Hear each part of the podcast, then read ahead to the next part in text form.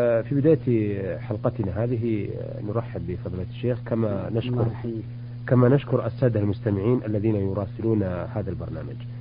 آه هذه الرسالة يا فضيلة الشيخ عن الحج. مرسلها ساعي مرزوق الباطي أو الباطني أعتقد من الحفر.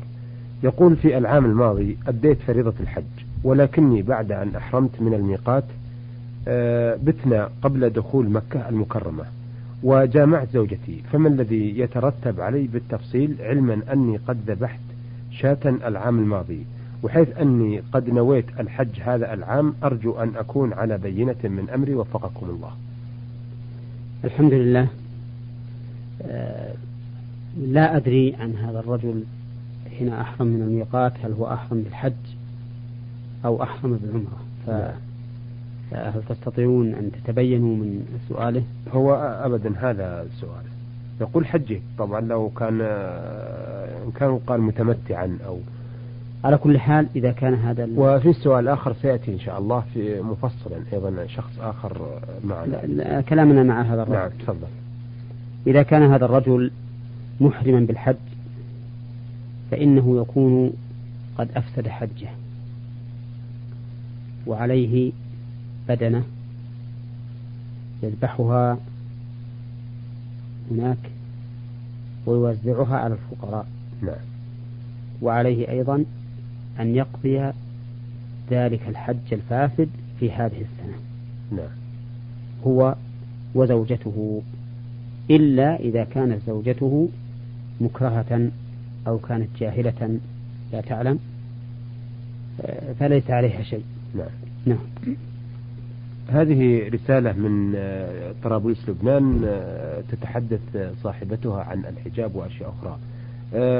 المرسلة ندى خالد قبوط تقول أنا فتاة مسلمة والحمد لله محافظة بقدر استطاعتي على تعالي الدين ولكنني أذهب في بعض الأحيان إلى منزل خالي الذي هو أخ لوالدتي وأنا متحجبة ولكن خالي يكره الحجاب كثيرا ويقول لي بأنك فتاة متأخرة سؤالي هذا هل آثم إن خلعت الحجاب عن رأسي أمام خالي علما بأنه ليس بأجنبي عني أم أبقى متحجبة ولكن لا أريد أن أخلع حجابي أمامه لأنه يستهزئ من الحجاب ومن الشريعة.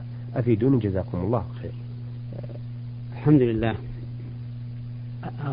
الخال من المحارم ولا يجب التحجب عنه ولا بأس بكشف ما يبدو غالبا للمحارم سواء كان خالا أو عما أو كان أخا آه، أو ابنا أو أبا كل ما يظهر غالبا آه، كالوجه والراس واليد والذراع والساق والقدم فإنه لا بأس بكشفه للمحارم نعم. والذي ينبغي أن تكشفه لخالها ليتبين له أن هذا هو الشرع حتى لا يظن أن الشرع فيه من الشدة ما يوجب التضييق على المسلمين نعم. وأما قوله إن هذا تأخر وما أشبه ذلك فإن هذه اللهجة يلهج بها كثير من أعداء الإسلام يقولون إن الإسلام تأخر وأنه يخنق أصحابه وأنه قيود وأغلال وما أشبه ذلك مما يثيره أعداء الإسلام في الإسلام. نعم. لينفروا منه. وليس هذا بغريب فإن الله تعالى يقول في سورة المطففين إن الذين أجرموا كانوا من الذين آمنوا يضحكون وإذا مروا بهم يتغامزون وإذا انقلبوا إلى أهلهم انقلبوا فكهين وإذا رأوهم قالوا إن هؤلاء لضالون. فما حكى الله عنهم فمن حكى الله عنهم يقولون إنهم لضالون. والمتأخرون يقولون إنهم رجعيون. اختلف اللفظ واتفق المعنى. فما قيل في الأول قيل في الثاني ولا غرابة لا غرابة من أن يقول أعداء الإسلام إن الإسلام تأخر وإنه قيود وإنه أغلال وما أشبه ذلك. وهذا لأنهم يضيقون به ذرعا ولم يشرح الله لهم صدورهم للإسلام. نعم. ومن لم يشرح الله صدره للإسلام فهو كمن قال الله تعالى ومن يريد أن يضله يجعل صدره ضيقا حرجا كأنما يصعد في السماء. فمن لم يرد الله هدايته فإنه لا يعرف نور الإسلام ولا هدايته ولا يعرف ما في أوامره من الخير والمصالح العاجلة والآجلة ولا ما في نواهيه من الشر الحاضر والآجل. نعم. فيظن أن الخير هو التحرر بل بعبارة أصح أن الخير هو البعد عن الإسلام. وفي الحقيقة أن الخير هو التحرر من قيد النفس والدخول في حظيرة الإسلام. نعم. هي آه، يفهم من سؤالها أنها إنما تتحجب عن خالها لأنها آه، تراه آه، ينهاها عن ذلك فهي تريد أن تثبت له أو أن ترد عليه ف... لا لا ينبغي هذا لا ينبغي لأن لأن نهيه عن الحجاب نعم. موافق للشرع نهيه إياها عن الحجاب نعم. عن الحجاب عنه هو نعم.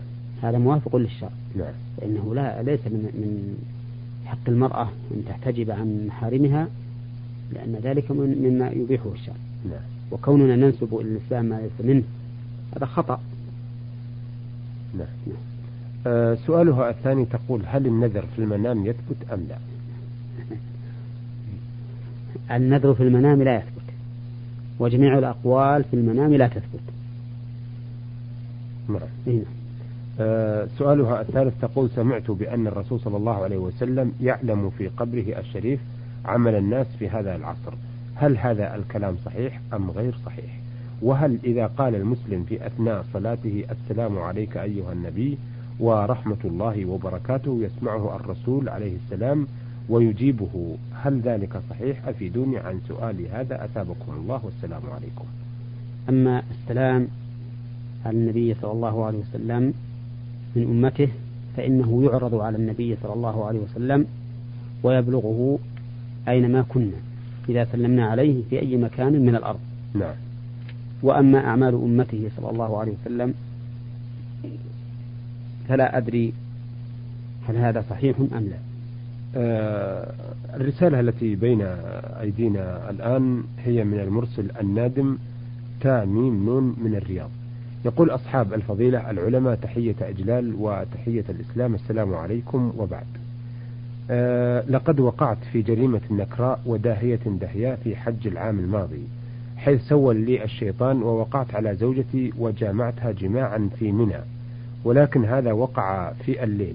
وقال بعض طلبة العلم أن حجك قد فسد فصرعوني بهذا القول وركبت سيارتي وهربت إلى بلدي.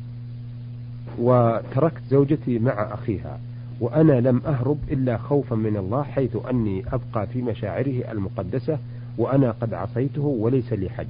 أرجو الإفادة والمخرج من والمخرج الله يخرجكم من الظلمات إلى النور. الجواب يحتاج إلى تفصيل وذلك أن جماعة إياها في منى نعم. إن كان بعد التحلل مثل أن يكون بعد يوم العيد بعد. أن رمى وحلق أو قصر وطاف وسعى فهذا لا شيء عليه إطلاقا لأنه قد تحلل من الحج أما إذا كان بعد الرمي والحلق وقبل الطواف يعني بعد التحلل الأول وقبل التحلل الثاني نعم. فإن الحج لا يفسد ولكن يفسد الإحرام نعم فيجب عليه أن يخرج إلى أدنى الحل فيحرم من جديد ليطوف طواف الإفاضة محرما. نعم. وعليه مع ذلك شاة يذبحها ويفرقها على الفقراء. أما إذا كان الوط في منى قبل الذهاب إلى عرفة فمعناه أنه جامع قبل التحلل الأول والثاني أيضا. نعم. وهذا يفسد حجه. وعلى ما قاله أهل العلم يجب عليه المضي فيه ويجب عليه بدنه يذبحها ويفرقها على الفقراء ويجب عليه القضاء من العام القادم. ولكن هذا الرجل في الحقيقة لا ندري أي الأحوال كان عليه. فلا نستطيع أن نحكم على فعله وذهابه إلى بلده. نعم. لكن لو ذهب إلى بلده وهو قبل أن يخرج مثلا إلى عرفة لأنه مثلا جامع في اليوم الثامن وهو محرم. آه، ما حكم ذهابه إلى بلده؟ هذا ذهابه لا يجوز. ويجب عليه الرجوع لو فرض أنه سأل في ذلك الوقت قبل أن ينتهي الحج وجب عليه الرجوع ليكمل الحج الفاسد. ثم يقضي يقضيه العام التالي. لا. أما وقد فات الأوان الآن فإنه يجب عليه على ما تقتضيه قواعد المذهب لا. يجب عليه أن يمضي في الحج هذا العام تكميلا للحج الفاسد الأول لا. لأنه لا زال على إحرامه لا. لا زال على إحرامه لم يتحلل منه لا. أو يتحلل بعمرة حيث فاته الحج فوات الوقوف نعم. ثم يقضي الحج هذا العام يقضي الحج الفاسد الذي تحلل منه بعمرة بالفوات نعم نعم آه يقضي مثلا يتحلل بعمرة يذهب إلى مكة هو بإحرامه من بلده. نعم نعم. يحرم من بلده ويذهب. وهو على إحرامه. نعم. الآن لا زال على إحرامه. لا زال على إحرامه. نعم. طيب هل يلزمه مثلا شيء عن آه، لبس المخيط أو الحلقة؟ لا يلزمه لأنه جاهل. جاهل. لا يلزمه لأنه جاهل. أحسنت. هذه رسالة من إحدى الأخوات المستمعات تقول أنا من خارج لست من المملكة تقول. ورمزت الأسمها بألف ميم ميم ميم. تقول في رسالتها إني منذ سنوات أكرمني الله عز وجل. قبل هذا تقول إني أنا أدرس في جامعة وفي كلية الطب وهي كلية شاقة وتحتاج الدراسة إلى سبع سنوات. تقول بعد أن آه، استعرضت عليكم ظروفي الدراسية آه، أني منذ سنوات أكرمني الله عز وجل وهداني إلى ارتداء الحجاب. فأنا أقوم بارتداء آه، بالطو أراعي فيه حسب ما أستطيع آه، شروط الزي الإسلامي وأضع غطاء على رأسي ولكن لا يستر وجهي. ومشكلتي هي عدم استطاعتي ستر وجهي فوالدي يرفضان تماما هذه الفكرة حيث أن عدد الفتيات اللاتي أكرمهن الله بتغطية وجوههن في بلدنا قليل جدا وهي فئة ينظر إليها بعين الاستغراب والاحتقار إلى آخره. وكنت قد وضعت في قلبي أني إن شاء الله تعالى أغطي وجهي عندما يوفقني المولى للزواج من أخ ملتزم. ولكن أخشى أن توافقني المنية قبل ذلك. أه تقول فإني أرجو الإفادة في ذلك. ورسالتها طويلة وهذا ملخصها. الحمد لله. يجب على المرأة أن تبادر التزام أحكام الإسلام جميعها حسب استطاعتها لقوله تعالى فاتقوا الله ما استطعتم. ومن الآداب الإسلامية التي جاء بها الشرع هو تغطية المرأة وجهها ويديها لما في إبدائهما من الفتنة من المرأة وفي المرأة أيضا نعم وليس هذا محل سرد النصوص الدالة على وجوب ستر الوجه واليدين أو, أو الكفين. ولكني أقول لهذه المرأة التي وفقها الله تعالى وهداها وأسأل الله لي ولها الثبات والاستقامة أقول لها إن الواجب أن تبادر بالتزام أحكام الإسلام غير مبالية بأي شيء يطرأ عليها من أجل ذلك. ما لم يكن عليها في, في ذلك ضرر بحيث لا تستطيع أن تنفذ الحكم الشرعي وتكون داخلة ضمن قوله تعالى فاتقوا الله ما استطعتم فحينئذ يسقط عنها ما تعجز عنه من الواجبات. نعم. وأما كونها تنتظر حتى توفق بزوج ملتزم فإن هذا لا يجوز. نعم. لأنها لا تدري هل يمكنها ذلك أو تموت قبل أن توفق بهذا الزوج الذي تترقبه. نعم. فالواجب عليها المبادرة إلى فعل ما أوجب الله سبحانه وتعالى من تغطية الوجه واليدين عن الرجال الأجانب. آه، هي المشكلة التي لديها عدم تطبيق الحجاب في البلدة وتتضايق من والديها. تقول أخشى أنهم يزعلون علي. آه، رضا الوالدين في معصية الله تعالى لا يطلب. نعم. وإنما رضا الله تعالى فوق كل رضا. نعم.